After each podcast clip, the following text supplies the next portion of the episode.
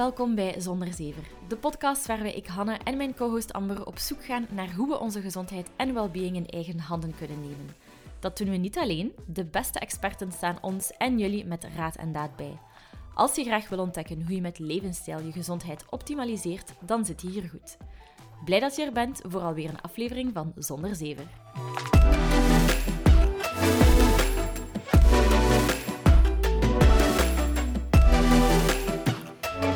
We hebben al heel veel leuke reacties gekregen op onze nieuwe samenwerking met Greenology. Wat ons gigantisch blij maakt, want we gaan deze samenwerkingen aan om zowel de continuïteit van Zonder Zever te garanderen, als om jullie ook te helpen beter te leven. En ook vandaag mogen we ze voorstellen in de aflevering. Als je Greenology nog niet kent, het is een start-up die opgericht is door twee Brusselse vriendinnen en ze maken eco-responsible skin en haircare, dat genderneutraal is.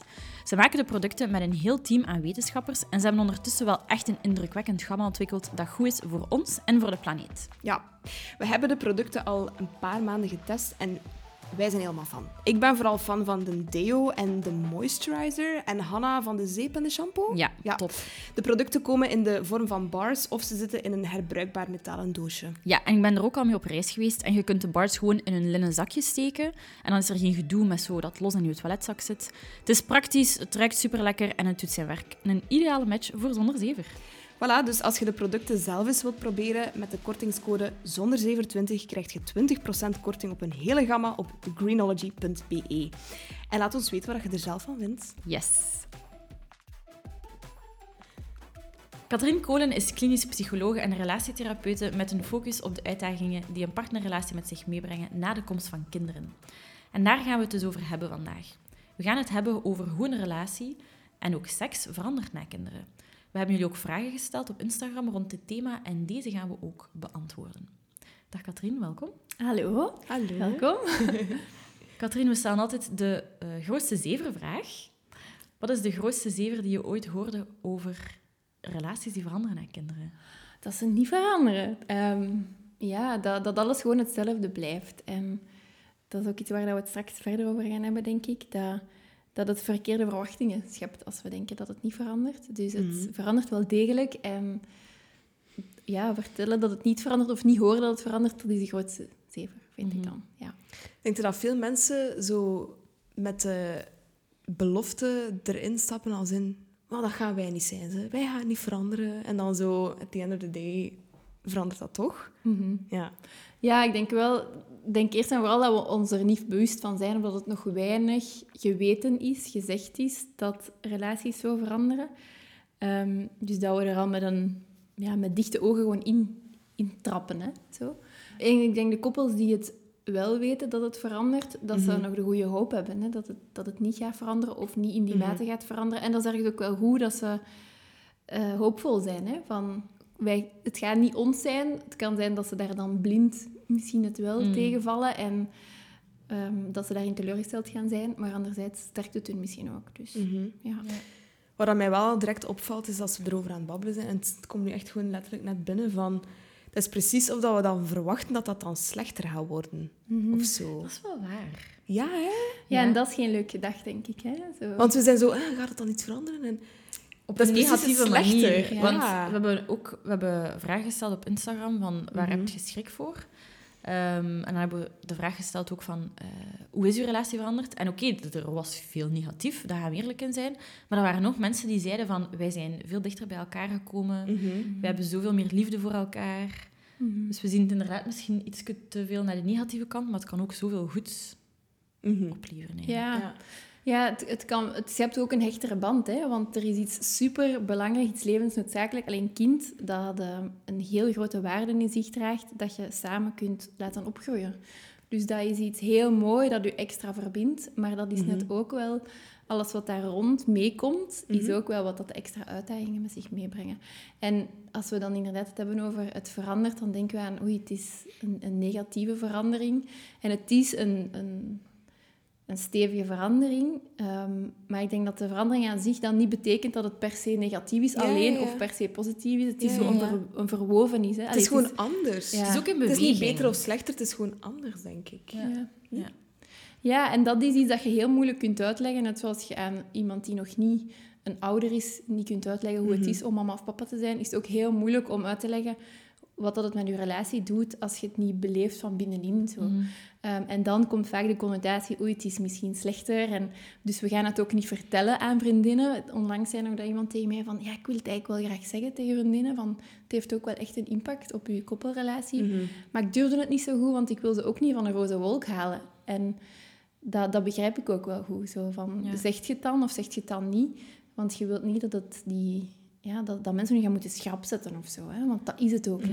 Eh, Maar het is bewustzijn vooral creëren, denk ik, dat belangrijk is. En er is misschien ook een beetje schaamte om toe te geven dat je relatie even aan het afzien is of dat je het een beetje moeilijk vindt. Mhm.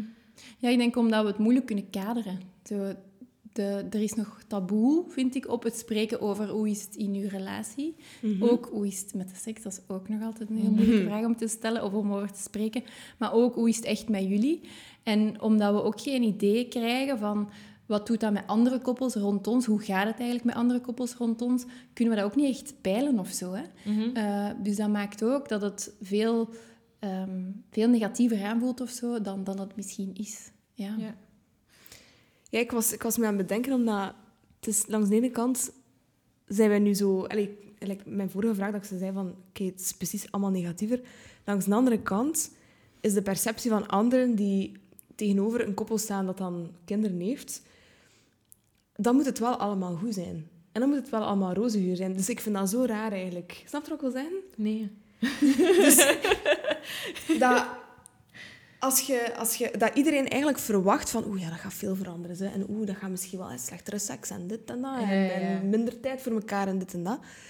Maar dan langs de andere kant hebben wij allemaal wel het idee dat een koppel dat net kinderen krijgt, dat dat allemaal roze en maanschijn en positief Ah, ja, is. Snap je? Ja, ja, ja. ja. Terwijl dat, dat... Dus, Het is heel tegenstrijdig eigenlijk. Ja. Ja. Ja. en ik Ja. denk, daarin navigeren, dat dat wel een serieuze uitdaging is. Ja. Ja, want ook Ja. die dubbelheid van we hebben een kind en dat is fantastisch Ja. en ziet dat daar liggen en dat is zo verbindend en je kijkt naar elkaar op een heel andere manier en je wordt opnieuw verliefd, zeggen sommige mensen dan ook Mhm. wel, op elkaar als ouder. Waar ik ook wel bij wil zeggen dat dat soms ook wel uitblijft eventjes en dat dat ook niet abnormaal is als je Mhm. niet direct de ouder voor u ziet staan waar dat je al negen maanden op had gehoopt maar dat dat rijptijd nodig heeft. Ehm, maar dus die dubbelheid van het is fantastisch en, we, en het is super verbindend, maar ook wel, ja, we zijn uitgeput en wij Mhm. hebben weinig tijd voor elkaar en onze huishouden loopt in de soep en ik moet zo hier zoveel doen en jij doet ineens zo weinig en dat zit er ook allemaal in. Dus het is zo gelaagd, Mhm. eh, wat het ook heel moeilijk maakt om, ja, om, om, om, om te gaan uitleggen aan mensen die het nog niet meegemaakt hebben. hè. Mhm. Ja. Ehm, dus ook, want ze zeggen, de relatie voor kinderen bepaalt voor een heel groot stuk hoe dat de relatie is na kinderen. Dus het beste is eigenlijk om, voordat de kinderen er zijn, relationele bewustwording of zo te Ja, doen daar rond. En, echt al een relatie te gaan verstevigen in veerkrachtigheid en flexibiliteit. Ehm, maar het is heel moeilijk ook om het te doen, omdat je als koppel het nog niet kunt voelen wat het is om een kind te hebben samen. En op welke manier u dat dan gaat Mhm. uitdagen. Ik heb gelezen dat je zei van een koppel is het fundament van een gezin en toch besteden we te weinig aandacht aan dat koppel dat ondergesneeuwd geraakt in het ouderschap. Hoe komt dat eigenlijk, dat we daar niet over nadenken? We lezen wel honderden boeken over eh, wat met de baby, en, maar we Mhm. denken eigenlijk niet na van... Wat met ons. ja, wat met Ja. ons. Ja, eh, zo, ik moet dan altijd denken aan dat liedje. Is dat van Pink? What About Us? Ja. Ja, Ja, en dan denk ik echt exact die zin, zo, maar wat met ons zo. Ehm, en daar, ja, in die zin zit ook zo mooi, niet het is slecht of het is negatief, Mhm. of, maar zo, er gebeurt wel iets met ons. Zo. En daar wordt, dat is Ja. iets dat in de schaduw staat. Ik denk, ja, onze neus wordt er niet naartoe getrokken. Hè? Zo, het, Mhm. het staat echt letterlijk in de schaduw. Ik zeg zo vaak op mijn lezingen, je moet diezelfde boeken over ouderschap op een hoop leggen en je raakt waarschijnlijk tot door het plafond. En dan moet je er eens een, de boeken naast leggen die je vindt over wat doet het met onze relatie. Ik denk dat je er twee hebt of zo. Hè. Ik denk Mhm. dat dat ook vertelt ehm, ja, hoe weinig aandacht we eraan aan geven. Dus ook hoe weinig bewustwording we daarvan hebben. Het is nog taboe, hè. Het, het stukje van ehm, we bespreken het niet zo gemakkelijk. We willen het, we, we twijfelen Mhm. ook. We willen mensen niet Mhm. dramatis Allee, we willen niet dramatiseren of mensen bang maken die voor kinderen staan. Ehm, dus dat maakt allemaal dat het weinig besproken is. En dus ook dat we soms, als we dan kinderen krijgen, heel erg daarvan overspoeld worden. Hè? Van, wat, wat is dit? En Mm. dit, dat dit ook zo gebeurt. Ehm, ik ken u eigenlijk niet meer helemaal zo goed. Of ehm, ja, je komt als koppel heel erg in coping terecht. Je moet omgaan Mhm, met mhm. je leven dat drastisch verandert. Op een manier dat je voor kinderen nog vaak niet hebt moeten doen als koppel. Mhm. Je kunt misschien wel voor gehad hebben dat, de een, eh, dat er iets dramatisch gebeurt of iets intens gebeurt, zoals een overlijden van een familielid, waar je als koppel dan door moet. Maar er is altijd een ander verhaal.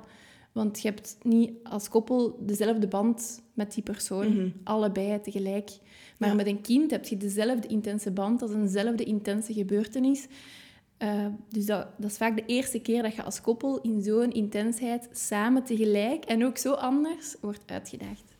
Ehm, en er is dus heel weinig om daarover te lezen, dat er wor- wordt over gesproken in ehm, de volksmond. En ja, dat maakt dat we daar nog, nog weinig handvaten in hebben, denk Mhm. ik.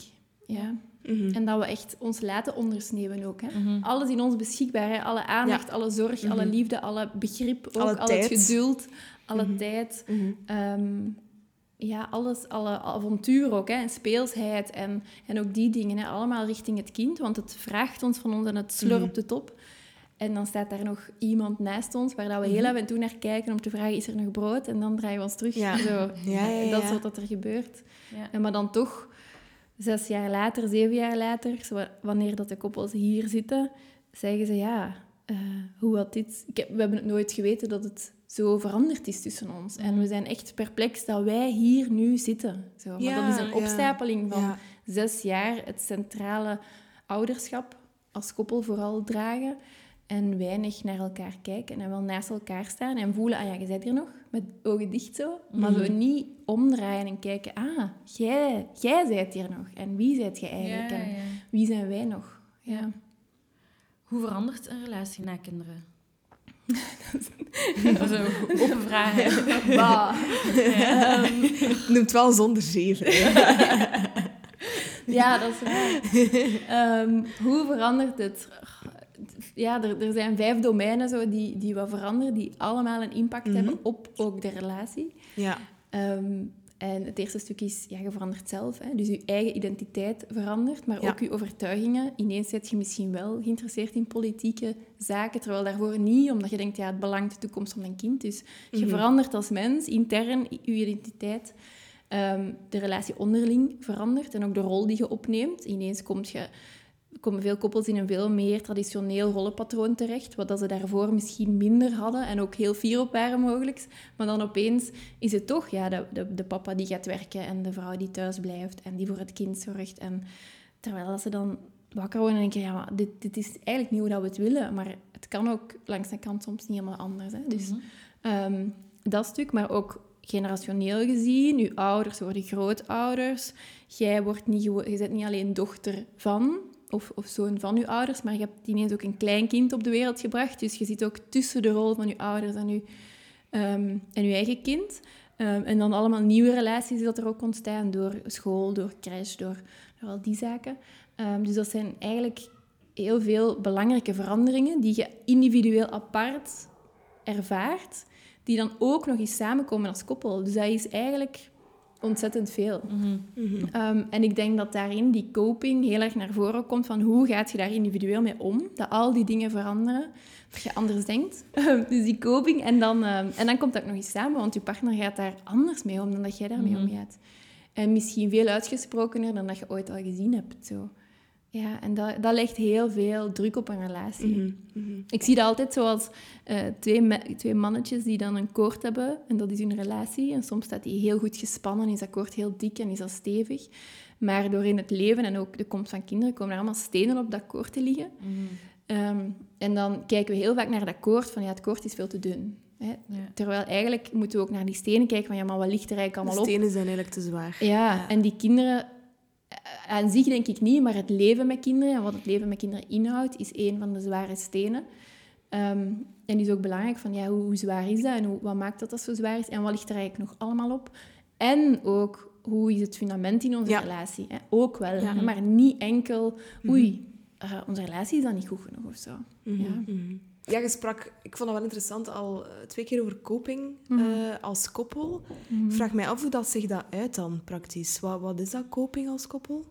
Ja, hoe, hoe omgaat met uitdagende situaties. En, hoe, en praktisch dan, wat Ah, ja. gebeurt er dan juist? De ene wordt stiller, Ja. trekt zich terug, heeft meer tijd alleen nodig. Ja. De andere heeft heel veel communicatie nodig, heel veel Mhm, geruststelling nodig. Het is oké tussen ons. Bevestiging of zo. Ja. Ja, Ja. Ehm, en dat is ook zo bij koppels zonder kinderen. Maar bij koppels met kinderen is het leven, het dagdagelijkse leven, legt meer ballast. hè, En Mhm. legt meer uitdagingen op u als individu en daarin dus Mhm. ook als koppel. En die coping, hoe je ge- geleerd hebt om om te gaan met uitdagende momenten, ehm, die komt dan samen en die wordt uitvergroot, ervaar ik vaak bij koppels. En die is heel vaak verschillend. En dat is, heel, dat Ja. is het moeilijke. Zo. Ja, ja, Waarom word jij nu stil? Ik heb het zo nodig dat Mhm. je mij vertelt hoe het met Mhm. u is. En ik vraag u, wat is er? En jij zegt niks. En ik zie u en ik weet dat er iets is. Ja. Ehm, en dan heb je niet eens de mogelijkheid om daar te goed over te spreken. Of om dat te laten zakken ehm, op, op een manier dat voor jullie past. Omdat er die kinderen bij zijn. Die kinderen die hebben uw, emotionele capaciteit ook nodig. Mhm. En dan moet je dat gaan parkeren. Maar dat draait wel in je hoofd een onrust van... Wat is dat hier? Mhm. En waarom zegt je niks? En, ehm, ja, dus dat... dat Misschien het- ook het gevoel hebben dat je plots niet meer zo op dezelfde golflengte zit of zo. Dat je Mhm. niet meer kunt deftig communiceren met elkaar. Ja. Waar je ervoor Ja. dan wel misschien beter kon. Ja, want je moet in kortere tijd meer zeggen. hè. Je moet drie, Ja. als je één kindje hebt, drie levens op elkaar gaan afstemmen, praktisch Mhm. gezien. Ehm, maar je hebt minder tijd om goede gesprekken te hebben, want er is voortdurend een kind erbij. En als ouder zijt je je wel bewust van, van een filter naar je kind toe. Mhm. Wat zeg ik wel wanneer mijn kind erbij is en wat niet. Dat evolueert ook met de leeftijd. Ehm, en dat maakt dat je dingen heel bewust niet gaat uitspreken waar je kind bij is. Maar die, je hebt wel de nood, ze zitten er wel. Dus je moet Mhm. dat heel erg gaan verdragen.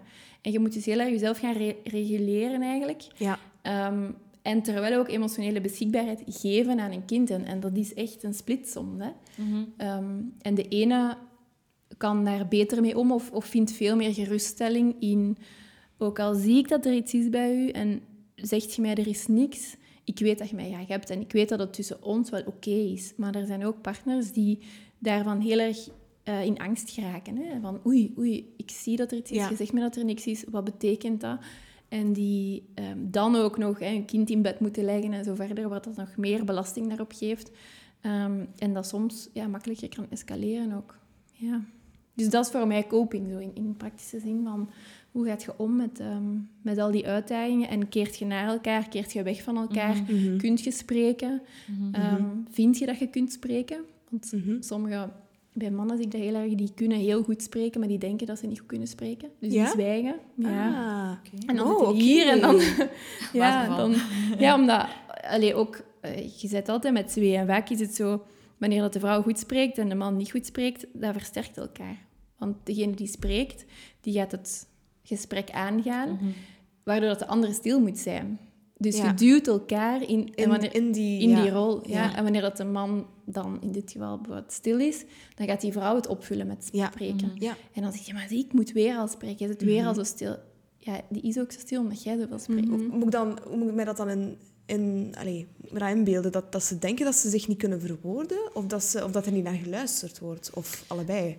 Dat het niet goed genoeg is wat ze gaan zeggen. Ja. Zo. En Ja. hoe ik het hier zie, ik, ik wil dat niet veralgemenen naar alle mannen, Mhm. want het- ik zie het ook wel andersom. Hè? Maar Ja, ja, ja, in meerdere tuurlijk. gevallen ehm, bij de man. En dat de man een druk ervaart van te moeten spreken, dat is soms ook al zo uitgesproken door de andere partner, van jij zegt zo weinig. Mhm. Ehm, maar als ze dan iets beginnen te vertellen, dan lezen ze de signalen van hun partner die fronst of die zucht of die Ja. een heel Heel kleine hè, van, lezen ze ja. direct en dat interpreteren ze als oei, het is niet goed. Mhm. En dan worden mannen heel nerveus soms en dan beginnen die met hun voeten te tikken en zo. Mhm. Dus het lichaam spreekt dan heel erg. Je kunt heel goed zien in het Mhm. lichaam wat dat er dan aan het gebeuren is.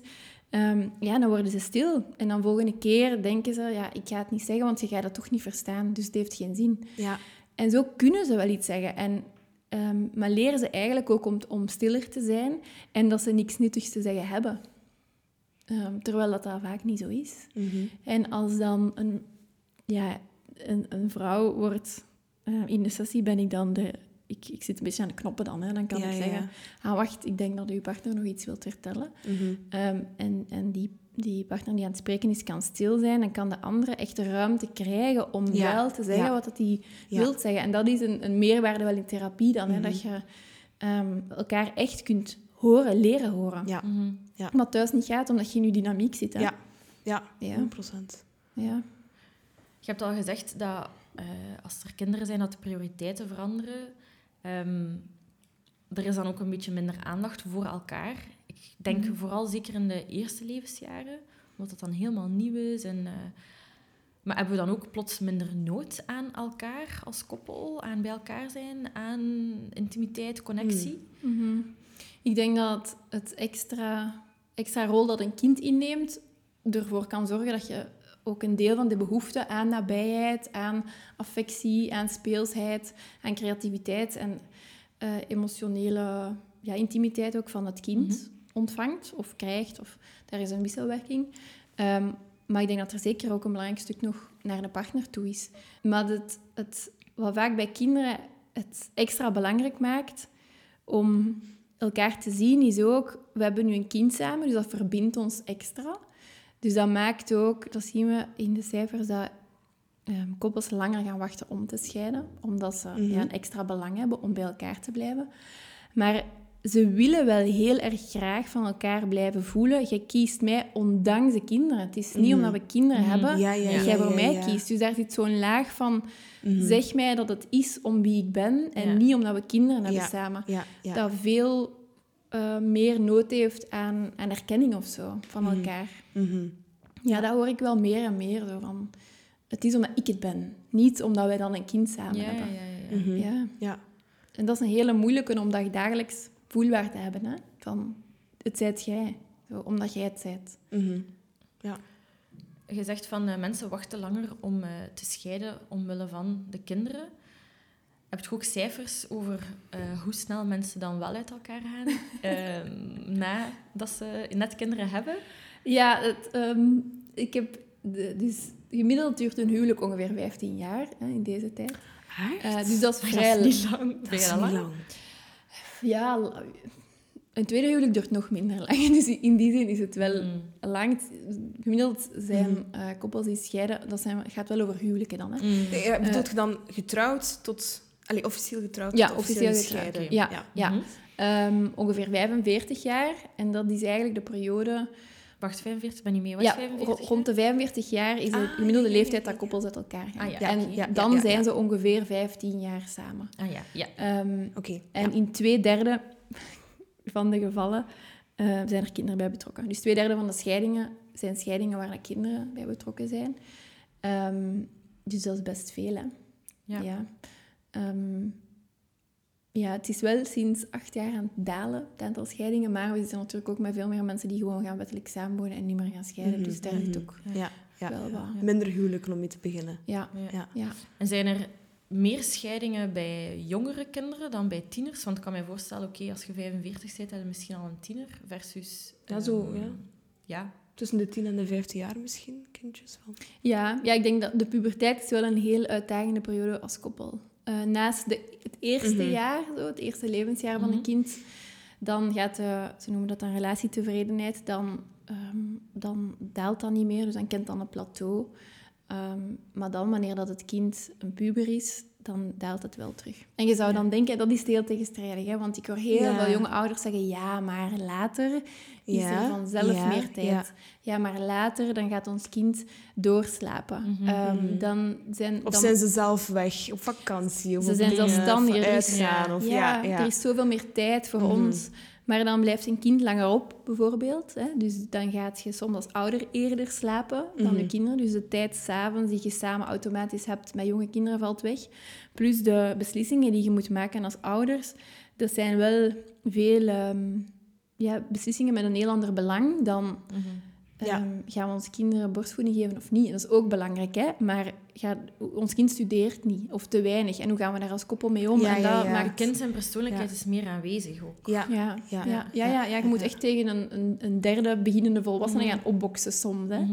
Mhm. Ehm, en daarin kan En dan het- waarschijnlijk ook, sorry dat ik je onderbreek, maar en met soms misschien heel tegenstrijdige views als ouder. Ja. Want ik heb al in mijn omgeving best wel wat gehoord van... ehm, wij, wij hebben ons in het begin voorgenomen om dan op dezelfde golflengte... Hè, als één voice naar dat kind...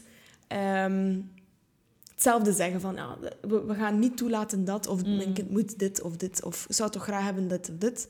En dan in de praktijk dat dat dan heel vaak toch niet het geval is. Mhm. Ja. Mhm. ja, want Dus ik denk dat dat ook wel...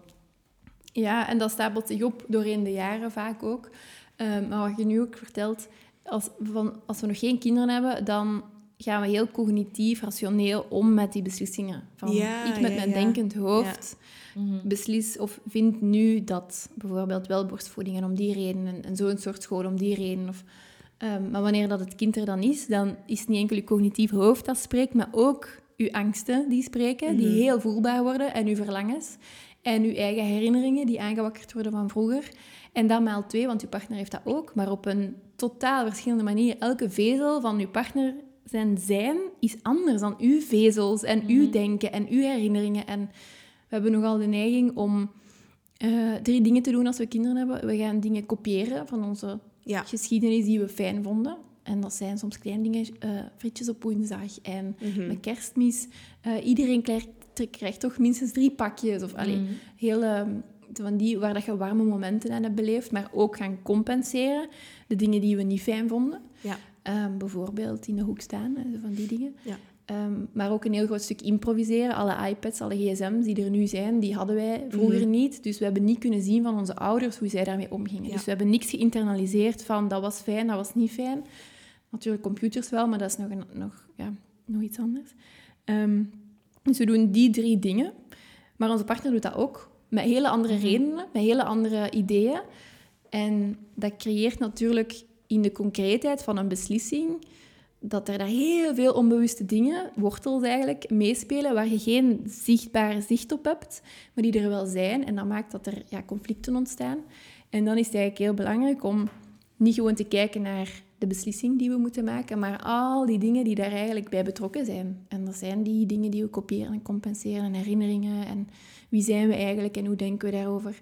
En dat zijn dingen die, ehm, die je gevoel heel erg doet hè, in ouderschap, die dan voor dat conflict zorgen. Want die goede herinneringen die ik heb, die heeft mijn partner niet. En ik vind die superbelangrijk, want ik heb daar hele warme gevoelens aan. En ik wil dat mijn kind dat ook kan hebben. Mhm. En mijn partner heeft daar een ander idee over. Maar dat is niet voelbaar of niet... ehm, ja, dat, dat zit niet in een cognitieve beslissing van voordat je kinderen hebt.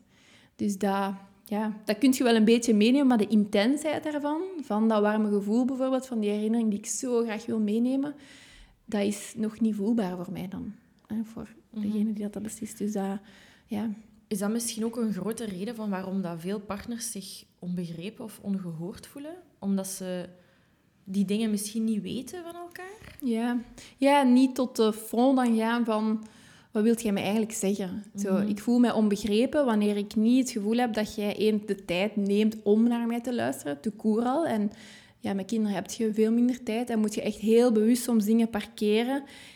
Tot bijvoorbeeld s'avonds, maar dan zit je s'avonds in de zetel en dan heeft je partner iets van, oh, ik wil gewoon tv kijken. En dan denkt je van, ah, je, je wilt niet luisteren.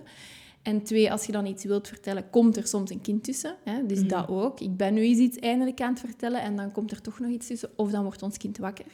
Ehm, maar ook drie, we hebben niet echt zicht op of we zijn niet echt nieuwsgierig naar of we hebben geen weet dat er nog meer is dan wat jij wilt vertellen. Er zijn ook ondertitels die we Mhm. niet zien. Ja. Ehm, En die we misschien zelf ook niet van bewust zijn. Voilà, ja. En ik weet ook niet of we daar zomaar bewust van kunnen zijn. Mhm. Ehm, dat is ook weer het nut van therapie dan, denk ik, om die wortels zichtbaar te maken. Maar ook, wat wilt uw partner eigenlijk vertellen? En dat is heel vaak niet het textuele, de inhoud, maar wel... Ik heb geruststelling nodig dat je mij nog altijd kiest, ook al zijn de kinderen daar. En het is niet enkel voor de Mhm. kinderen, zo dat idee van daarnet. Dat die dingen ehm, verdwijnen in ons gevoel en dat we het nodig hebben dat onze partner ons daarin bevestigt. Dus dat dat eigenlijk relationele vragen zijn die we beantwoord willen hebben, waarin dat we ons dan gehoord voelen. Maar onze partner hoort die vragen niet, want we geven die vragen ook niet specifiek. Ehm, en dan voelen we ons onbegrepen en ongehoord. Ja. Is er een verschil ehm, bij het onbegrip, het onbegrip eigenlijk tussen een babytje hebben, een kleuter, een tiener? En ook die druk eigenlijk op je relatie? ik had bijvoorbeeld ook gelezen dat volgens de Amerikaanse psycholoog John Gottman dat Mm. een derde van de jonge ouders uit elkaar gaat voordat een kind, het oudste kind, drie. Ah, drie. Dat is zo wat ja. ik bedoel. Ja, ik denk wel dat dan heel erg meespeelt. Hoe kijkt je naar die Ja. uitdagende periode waar we Ja. het net over die, die hadden van hoe, hoe kijkt je naar dit is een intense gebeurtenis Mhm. geweest? Kunnen we dat plaatsen? Denken we oei, wat zegt dit over ons als koppel? Misschien hadden we beter geen kind samengemaakt, want ehm, en hoe dat je daar naar kijkt, kan ook, denk ik, dan gaan bepalen van hoe lang je dat kunt verdragen of hoe lang dat je dat kunt ehm, gaan normaliseren. Ehm, en hoe intens dat je daar eigenlijk naar gaat kijken. Hè. En of dat er dan nog hoop is, in de zin van gaan we dan in therapie om daarover te spreken, om te kijken Mhm. wat dit met ons aan het doen is en hoe dat we dat kunnen plaatsen en elkaar in Mhm. kunnen dragen. Op een manier dat we het nu misschien nog niet kunnen. Mhm. Hoe kunnen we onze relatie ook beter leren kennen daarin? Ik denk dat dat wel... En dat we daar misschien wel te snel opgeven, vind ik moeilijk om dat te zeggen. Ehm, maar misschien, ja... ja met onze ogen dicht misschien te snel opgeven, ik zal het zo zeggen. Omdat het echt niet is vanuit... We kunnen niet meer, maar vanuit... Nee. We, we weten We het zien niet. we weten gewoon niet hoe we ermee Mm. moeten omgaan. Ja, We ja. en als we dan meer kunnen horen, het is normaal dat dat heel veel met je doet, dat dat Ja, onverwachte dingen met je ja, doet, ja. dat je partner misschien niet de partner is dat je gehoopt had, dat dat niet wil zeggen dat hij nooit de partner gaat zijn dat je gehoopt Mhm. had. Ehm, het kan zijn dat je je heel alleen voelt, dat je, ehm, ja, dat je weinig tijd nog samen hebt en emotionele verbinding ook hebt samen, maar dat dat niet wil zeggen dat je relatie leeg is, dat die niet goed geweest is, nooit niet, dat, Mhm. dat het geen goed idee was om samen kinderen Mhm. te hebben. Maar dit wil zeggen, we moeten, we moeten op zoek naar de, een nieuwe invulling voor onze relatie. Hè. Hoe Mhm. doen wij dit eigenlijk, deze relatie, nu met een kind? Ja. Want ja, je gaat van een partnerrelatie van twee, dat wat dat één relatie is, komt er een kind bij. Dus je hebt het geheel met drie, het gezin. Je hebt de relatie onderling. Ja. Je hebt de relatie met je partner en het kind, Ja. maal twee. Ja. En ook nog eens de relatie van het zien met je partner en het kind. Mhm. Ja. Dus als observator kijkt je ook heel de tijd naar je Ja. partner en het kind. Dus met één is- persoon erbij Ja. is dat eigenlijk exponentieel veel Ja. relaties en Ja, soorten en variabelen. Ja. En, En rollen en ook angsten en verlangens hè, Mhm, Mhm. ehm, erbij. En dat maakt het heel complex. Hè. En daarom ook soms moeilijk om te verstaan van wat gebeurt er hier eigenlijk. En, ja, en, en wordt er daarin dat gewicht allemaal gelegd op het draadje of de relatie tussen die twee mensen. Maar als je dan ziet wat voor een Ja. druk dat erbij komt. Mhm. Ehm, dus ik, ik denk dat... Allee, ik hoop, het is mijn hoop dat er Mhm. meer eh, relationeel bewustzijn kan zijn daarover. Mhm. Zodat koppels ehm, ja, daarin elkaar beter leren kennen en meer draagkracht ook vinden. Hè? Ja. Mag ik het een beetje samenvatten als in... We moeten eigenlijk zachter zijn voor onszelf, maar ook voor ons, onze relatie. En ook Mhm. gewoon ehm, beseffen dat het, dat het verandert op verschillende manieren. Maar dat we ook gewoon moeten het opnieuw misschien leren en opnieuw ontdekken. Ja, en misschien ja. het zien als iets van, oké, dit is iets leuk, we gaan elkaar op een nieuwe manier leren kennen, versus, oh, dit is jij echt niet meer wie wel dat groot. gewend ben. Ja. Ja. Ja, dat perspectief, zo dat, die shift in perspectief Ja. misschien. Ik vind Ja. dat mooi verwoord. Want het is eigenlijk ook, daarin zegt je dat zo mooi, het is rouwen over het koppel dat je waart. Hè? Ja. Want je bent Ja, niet ja. meer het koppel dat je Ja. waart. Nee. ja. En dat is niet Maar dat is, goed of slecht. Voilà, dat, Dat is dat is gewoon misschien niet slecht. evolutie. Ja, Ja, ja. ja. En het is daar dat je dan... Ik denk, wat dat er heel veel zal doen, denk ik... Allee, als ik even nadenk over hoe dat ik dat zelf... Maar ja, bon, we weten allemaal dat dat... Hè. Maar dat, dat de manier waarop dat je daar inderdaad naar kijkt... wel echt gaat bepalen hoe dat je daarin staat, welke, welke Ja. acties dat je Ja. gaat doen, hoe dat je dat... Ja, ik weet Minder niet, als streng dan... voor je partner, minder streng voor jezelf. Mhm. Het samen Mhm. uitzoeken en accepteren inderdaad dat Mhm. het anders is, maar het, is, het hoeft niet negatief zijn. En weten dat het een bumpy road is, maar Mhm. misschien wel dat je samen Mhm, graag mhm, wilt. mhm. Als een team, Ja. ja. Ja. ja, en het kan de relatie echt zo gaan verrijken. Hè. Er is echt nog een hele rijkdom ehm, hoe, dat je elkaar verder kunt leren kennen. En daarin geeft, vind ik, Mhm. het krijgen van een kind heel veel mogelijkheden. Ja. Mhm. Je moet, ja, ja, Hè, ja. je kunt bijna niet anders. Zo. Je moet als koppel meebuigen. En dat Mhm. betekent, hé, wie zijt je eigenlijk als ouder? Wie ben ik als ouder? Hoe zijn wij nu Mhm. veranderd? Hoe vullen wij onze relatie? Mhm. Eh, wat is er goed in onze relatie? Ehm, wat, wat zijn dingen die lastig zijn? Eh, en dat geeft nieuwe mogelijkheden. Maar het is ook het stukje van aanvaarden en ook het, het mogen rouwen over... Ah, dit heb ik niet zo gewild. Dit is niet wat ik verwacht had. En ik vind dat wel heftig om Mhm. dat te moeten voelen nu. Ja, dan- En je gevoelens toe te laten eigenlijk. Ja. En te mogen voelen en weg te gaan uit je hoofd en dat te willen rationaliseren en vergelijken, maar eerder van wat voel ik eigenlijk nu en wat voelen Mhm. wij nu? Ja, Dat mogen Ja. rouwen, dat vind ik super schoon. ja. Want dat is wat ik in het begin ook bedoelde met... Het moet allemaal... Hè, het is, ah, je, hebt een, je hebt een kindje gekregen en al- alles wel. Mm. Maar eigenlijk moogt je wel zeker rouwen om wat dat er... Ver... Mhm. Allee, ik zeg het nu verloren is, maar ik bedoel dat niet Dat zo. er- Ja, ja. van wat dat je hebt achtergelaten. ja. Ja, ik vind dat wel belangrijk dat dat... Dat dat non- allee, genormaliseerd wordt van ja, maar het is oké om dat... Om daar om, ja, over te rouwen eigenlijk. Ja. Ja. Dat wel mooi. Ja, wat dan niet wegneemt dat er ehm, nieuwe fijne dingen staan te wachten. hè? Absoluut. En, en absoluut. dus die dubbelheid. Hè? En ik vind dat we het vaak nogal op één kant pakken van Mhm. oei, het is anders. Of Mhm. ja, maar er zijn zoveel nieuwe dingen om te ontdekken. Maar het- leven is zo veelzijdig en, en uw, uw gevoelens zijn zo gemixt door elkaar dat het niet opgaat om één, één ding naar voren te schuiven. Het is echt de dubbelheid hè, van Mhm. afscheid te nemen, ook van wie je zelf waart, het leven dat je alleen had. Ehm, en, en, en de relatie die je samen had, maar ook de, de banden met vrienden die misschien veranderen. Ook daarin de prioriteiten met het werk dat verschuiven, dat je dacht dat dat nooit... Ik had het nooit ingeschat Mhm. zo. Dus daar allemaal over rouwen en tegelijkertijd ehm, openstaan. Ja, de deur op een kier zetten voor wat dat er mag binnenwaaien. Zo, hè. En daarin Ja. ook voelen ja, van... Ah, maar er wringen ook wel dingen. En dat dat ook wel mag. Zo, dat dat niet wil zeggen... Het wordt anders, dus je moet ook maar gewoon verdragen wat dat er op je pad komt. En hoe moeilijk het soms is en wat dat je partner doet en zegt, dat denk ik ook niet. Niet dat je dat zei, maar, eh, maar dat, mensen denken dan zo soms nogal extremistisch in zo'n Mhm. ideeën. Hè? Ja. Ehm, maar wel te voelen van, ah, dat werkt eigenlijk niet voor mij op deze manier. Ja. En dat is wel heel belangrijk om dat te voelen. Niet te moeten verdragen, maar net te kunnen naar boven brengen. Hè, van, dat werkt niet voor mij. En misschien vroeger wel, maar nu, nu niet meer. Nu Mhm. werkt het niet meer voor mij dat je elke vrijdag met je vrienden op café gaat. Ik weet Mhm. in onze relatie voor kinderen wel, maar nu werkt dat niet meer. Dat is nu zo'n heel concreet voorbeeld. Ehm, en je moet het dan niet verdragen dat je daar elke vrijdag zit en denkt... Allee, waar zei jij eigenlijk? En ik Mhm. zit hier alleen met ons kind, bijvoorbeeld. Mhm. Mhm. Ehm, nee, je gevoel is daar belangrijk in en dat mag ook iets duiden en dat mag ook een opening zijn voor een nieuwe verbinding met je partner. Hè? Van, Ja. oké, wat, wat doen we daar dan mee? Iets dat voor u goed voelt, iets dat voor mij goed Mhm. voelt. Iets dat u verlangen om tijd alleen ehm, of tijd met vrienden kan tegemoetkomen. En iets dat mijn verlangen om gezinstijd samen te hebben kan Mhm, tegemoetkomen. Ja, ja. Ja. En vaak staan die nogal tegenover elkaar Mhm. en lijkt het kiezen. Hè? Maar Ja. het, het conflicten of de dingen die je voelt die ehm, pruttelen of die tegen, tegenwerken of zo, of dat je voelt dat klopt niet, dat zijn net de mogelijkheden, vind ik, om een andere afstemming te vinden. Mhm. dit, dit, daarvan mogen we afscheid nemen voor nu. Wat niet betekent dat als ons kind er jaar is, dat jij met plezier terug vrijdag op café kunt gaan. Hè? Mhm. Maar zo, daarin is het idee van de relatie is dynamisch.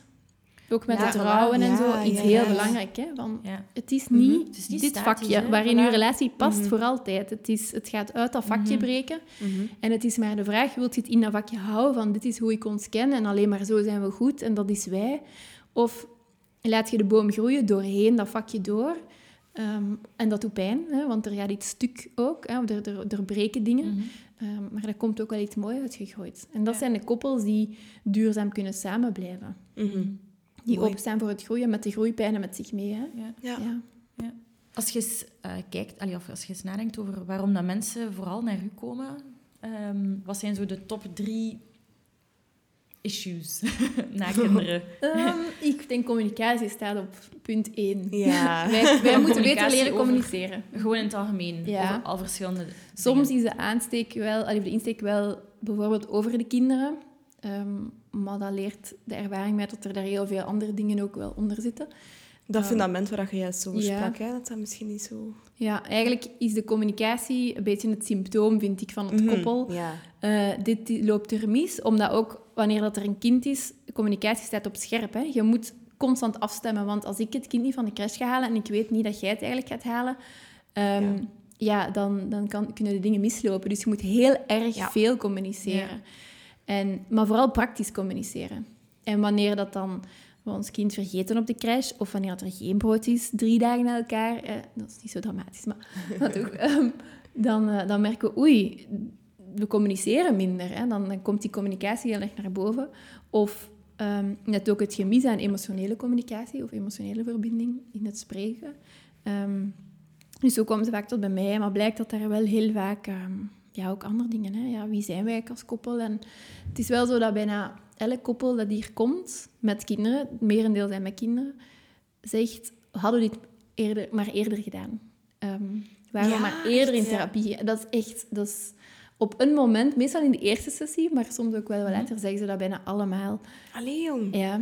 En ik denk dat dat is omdat één... Um, ze een heel ander idee hebben van wat therapie eigenlijk is. Ja. En het daarom mogelijk ook vooruitgeschoven hebben. Um, en het zit taboe op, hè? Ja. Op relatietherapie. Ja, en dat lijkt dan zoiets saai, iets heel... Problematisch, stijf, problematisch, ja. ja. Maar vooral iets zwaar. En, Ja. en het is wel zwaar, hè? Dat, dat kan ik niet ontkennen. Maar er is ook heel veel humor en heel veel luchtigheid. En er is, het is niet alleen maar zo... Ja, het klassieke idee dat we eigenlijk van therapie hebben. Dus ik denk dat, dat ze dan beseffen van, ah, dit is maar dit, of zo. Of dit, Mhm. Maar ook, dit kan, zo, dit kan dit voor ons betekenen. Ze voelen direct, ja, je hebt thuis niet de mogelijkheid om overdag of op een normaal uur eh, tijd te maken voor elkaar. Een uur en een half, dat, dat doet je bijna niet als koppel. En te voelen wat het doet om dat te kunnen. En dan ook nog eens goed met elkaar te spreken en dingen te horen van je partner dat je nog niet wist. Dat, ja, dat schept zoveel intimiteit eigenlijk, dat dat, dat één uur en een half al heel betekenisvol kan zijn vaak. Mhm. Ehm, dus als ze dat dan eens gevoeld hebben, dan denk ik zo van wow. Ja. Ja. Communicatie was dus het eerste. Was Ja. dan Ja. nog iets waarvoor dat ze vooral naar is, is gekomen? dat wel... ehm, er zijn individueel ook mensen die met relationele vragen naar mij komen. En dat, dat zijn meestal mensen die verliefd dan zijn op iemand anders. Oké. Mhm. Die Ja. niet goed weten, wat moet ik daar nu mee? Ehm, en bedrog is ook wel iets in de relatie, maar minder. Zo. Meestal komt dat naar boven in de therapie. Dan dat dat... Van, ik heb u bedrogen. Ja, Echt? ja. Niet, niet bij alle koppel, hè, ehm, maar eh, ja, toch wel geregeld. En bij mij meer dat het in de therapie naar boven komt dan dat het de reden is om aan te melden. Mhm. Ja. Mhm. Oké, we gaan sowieso nog eh, babbelen over bedrog in een aparte aflevering. Ehm, maar waar dat we het graag ook over willen hebben, is seks en intimiteit na kinderen. Ja. Ehm, want dat verandert hoogstwaarschijnlijk. Mhm. Mm, Misschien niet altijd in negatieve zin, kan ook in heel positieve zin zijn. Maar jij gaat ons vertellen hoe dat het verandert. Ja, ja. ja, want het, het, het Dat was niet de grootste schrik eh, als we de vraag stelden van de mensen die nog geen Ja. kinderen hebben. Oh, ja. Wat is, van- wat is uw grootste schrik dat er zal veranderen? En dat was... In, allee, de Geen nummer romantiek, één was minder seks. minder romantiek, minder seks. Mhm. Te weinig tijd voor elkaar. Ja. ja. Ja, dat zijn ook Minder wel- liefde. Ja. En te veel broers-zusrelatie staat hier ook. Ja. Dus, eh, Ja, het zijn ook wel de uitdagingen van een koppel met kinderen. Hè. Dus dat, het klopt wel. Als allee, die verwachtingen of die onheilspellende ideeën. Mhm. Ehm, ja, het, het seksuele is iets... Dat is zo mooi. Ja, allee, mooi. Ehm, seks is wat dat een koppel een kind brengt, maar is ook wat dat daarna stopt. Allee, of toch een tijdje stopt na de bevalling. Minimaal zes weken, volgens doktersvoorschrift. Maar daarna ook gewoon heel moeilijk terug op gang komt. En ook vaak niet meer op gang komt, zoals voor kinderen, zoals ja, de rest van het leven ook verandert. Ehm, en het is vaak zo het eerste moment om seksueel bewust te worden, of zo. In de zin dat seksualiteit voor kinderen is vaak op basis van een verlangen dat er vanzelf is. Zo, waar dat we niet echt bij moeten stilstaan. Ehm, ook wanneer dat je een verlangen voelt naar je partner, zijn er meestal wel mogelijkheden om iets met dat verlangen te doen op het moment dat je het voelt. Als je s'avonds gaat slapen of als je in het ligt of andere momenten als je elkaar kruist. Met kinderen is dat veel moeilijker. En s'avonds zit je moe. Eh, ehm, te moe om daar nog aan te beginnen. Dat is dan vaak het Mhm. idee. Ehm, dus je moet echt... Ja, dat wordt ineens opnieuw super scherp gesteld, zoals andere dingen scherp komen te staan. En veel mensen denken dan ook, ik ben abnormaal. Zowel vrouwen voelen vaak minder verlangen, tot momenten ook soms geen, waarbij dat ze dan soms denken, ben ik nu asexueel? Of, ehm, en mannen voelen vaak ja, meer verlangen, ook omdat hun partner weinig verlangen voelt. Dus de verlangens die zij voelen, die mannen dan voelen, die, die lijken dan gewoon veel te zijn. Terwijl Mm. er is ook geen graadstaf Mhm, meer. Hè? mhm, Zo, het mhm. zijn twee extreme geworden. En beide, beide partners voelen hun abnormaal. Ik ben abnormaal Ja. omdat ik veel verlangen heb, of lijk te hebben. En de andere, ik ben abnormaal omdat ik weinig verlangen heb, of geen verlangen heb.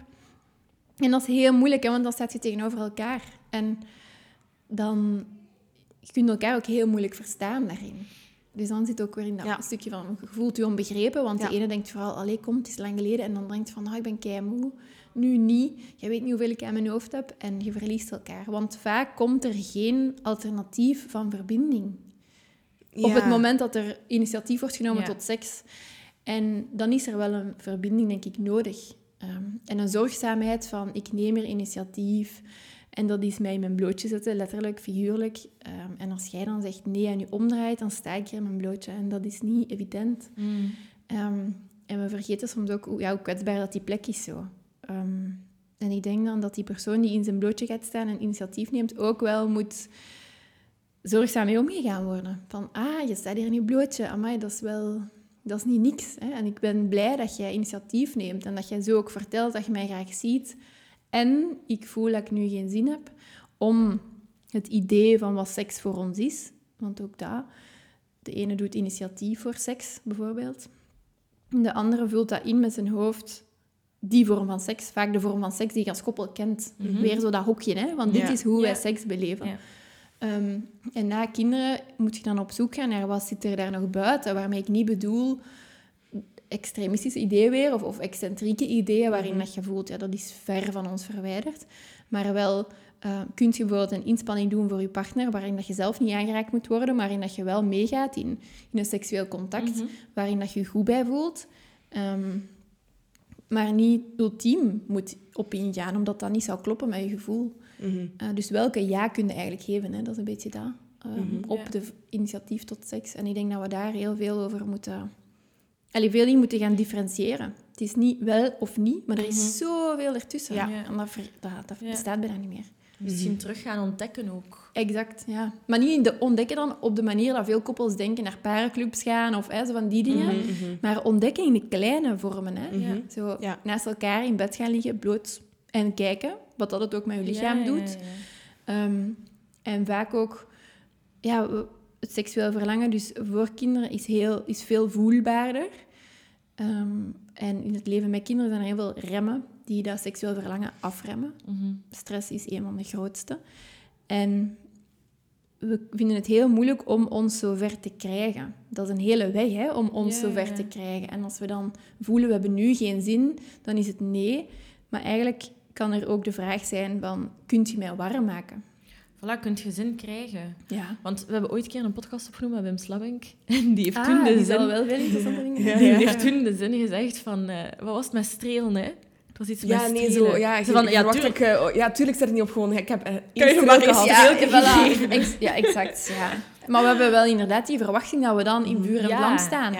En dat we dan- elkaar in de ogen kijken en zo... Wow. Ja, Ja, Zo, ja. nu gewoon. Maar welk koppel Wipe kan dat? Allee, ja. ja. Zoals in het begin van een relatie, maar dat, is- dat, dat duurt Dat even. Maar ja, Inderdaad, en als die verwachting daar dan ja, niet zit. Maar ik kan mij ook voorstellen dat als iemand dan na kinderen bijvoorbeeld heel veel initiatief neemt, man of vrouw, ehm, en dat de partner altijd nee zegt, dat je daar wel in gekwetst voelt. ja. Mhm. En dat je zoiets hebt van, maar ziet je mij niet meer graag? Of, of, of raakt je meer opgewonden? Of, ja, je begint aan jezelf te twijfelen. Hè? Ja. En Ja. aan de fundamenten weer van de relatie. Hè? Ja. Dus daar zijn die ondertitels weer van hoe kun je zorgzaam zijn voor het initiatief, niet naar alleen het seksuele, maar ook naar het relationele. Hè? Van, Mhm. jij zegt hier, je ziet mij graag, hoe kan ik daarop ingaan en dat beantwoorden?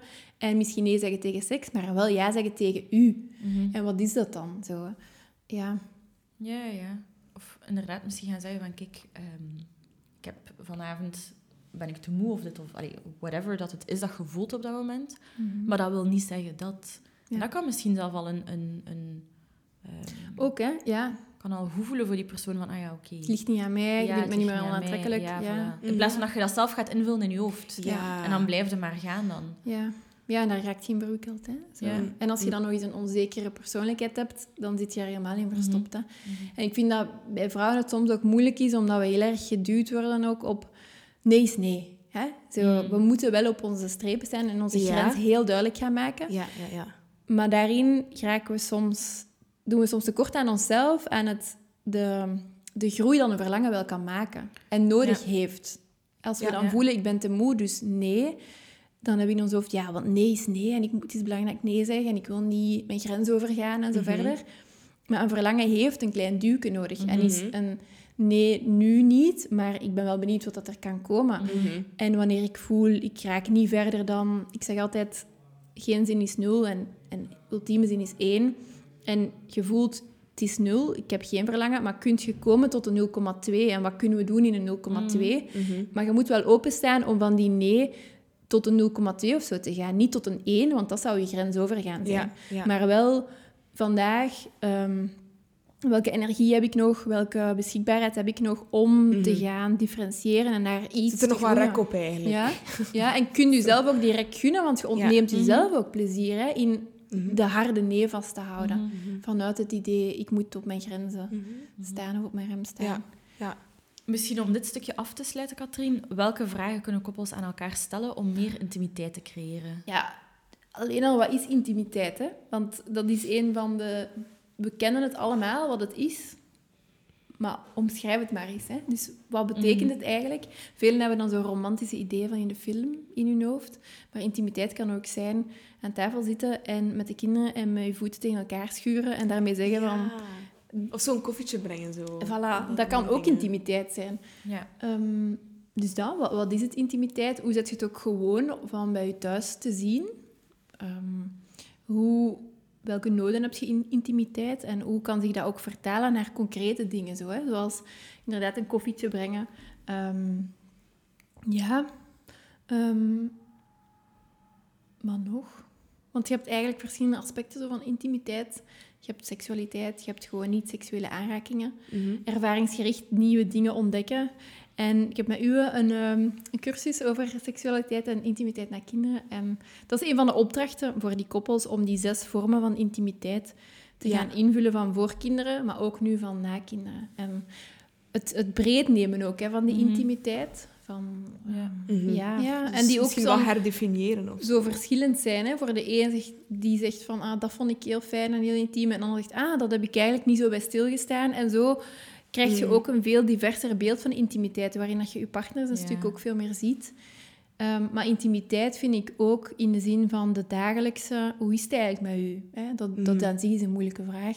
Maar waar maakt je zo zorgen over? Of ook wanneer dat, dat je je partner ziet spelen met de kinderen en denkt van... Oh, hoe fijn. Hè? Dat je die Mhm. dingen ook zo deelt. En toen je aan het spelen was toen, dat vond ik echt Mhm. zo'n heel intiem moment om daar naar te mogen kijken. Ehm, dus zo'n dingen ook. Ja. Ja. En waar kunnen mensen uw cursus met u terugvinden? Op eh, de website loverswithkids.com. En de, Alright. we hebben meestal twee keer per jaar dat we een ronde doen. Ja, Oké. inschrijvingsrondes, ja. Ja. Oké. Ja, cool. En de volgende is wanneer? In mei 2023 Mei. ongeveer. Alright. Cool. Maar nog even tijd, hè? Ja, Dus, ja, ja. Je kunt het nog laten En rijden. is dat iets waar je inschrijft met je partner of alleen? Ja, ja, dus het zijn workshops om eigenlijk je computer open te klappen en dan ziet je mij verschijnen en ik geef jullie dingen over, om over na te denken, maar ook oefeningen. Ehm, niet seksuele oefeningen, maar reflectieve oefeningen. Mhm. Op een heel laagdrempelige manier, maar ook informatie van zowel u over hormonen en anticonceptie als Ja. over seksueel verlangen. En Ja. Eh, de ene wil Oké. wel en de ander wil niet, zo die dingen. Ja, Ja. ja. Maar wel echt samen. Ja. Heel interessant. Ik zou zeggen, ga het zeker checken. Yes. Ik eh, wou nog een keer afsluiten, Katrien, met een van uw gedichten dat ik gevonden had op Instagram. En ik vond het echt zo goed. ik ga het gewoon Ik voel voorlezen. hem al komen. ja, hè? we zullen zien. het is, hij doet het nooit, zij doet het altijd. Natuurlijk doet zij het altijd, want hij doet het nooit. En natuurlijk doet hij het nooit, want zij doet het altijd. Vond ik heel mooi. Ik denk dat er eh, veel mensen zich ehm, hierin zullen herkennen. Mhm. Dus het is eentje om over na te denken. Maar ik kan nog iets over zeggen? Ja, doe maar ook. Tuurlijk. Ik, ik vind, waarom ik hem zo... ehm, ik denk waarom hem ook zo sprekend is, omdat je daarin kunt zien dat er iets circulair Ja, in zit. Hè? ja, en dat ja. is het stuk dat we heel erg vaak vergeten. Zo, Ja. Elk verhaal in een relatie heeft twee... Of elk, elke relatie heeft twee verhalen. En we kijken heel vaak naar één verhaal Mhm. en vergeten het andere of vullen het andere in. Maar er zijn twee gelijkwaardige verhalen die belangrijk zijn om het geheel ook te verstaan. Ja. ja. Mooi. Zeker. Merci, Katrien, dat we tot Heel hier graag gedaan. komen. Ik vond het echt heel interessant. Ik vind het een eh, heel mooie afsluiter van Ja. ons derde seizoen. Ja, van het is gedaan. Zever. Het is gedaan, maar we komen terug. Hè. Ja, maar Komen het is terug. Ehm, merci iedereen om te luisteren. En eh, ja, we komen zo snel mogelijk terug. Bye bye. Bye.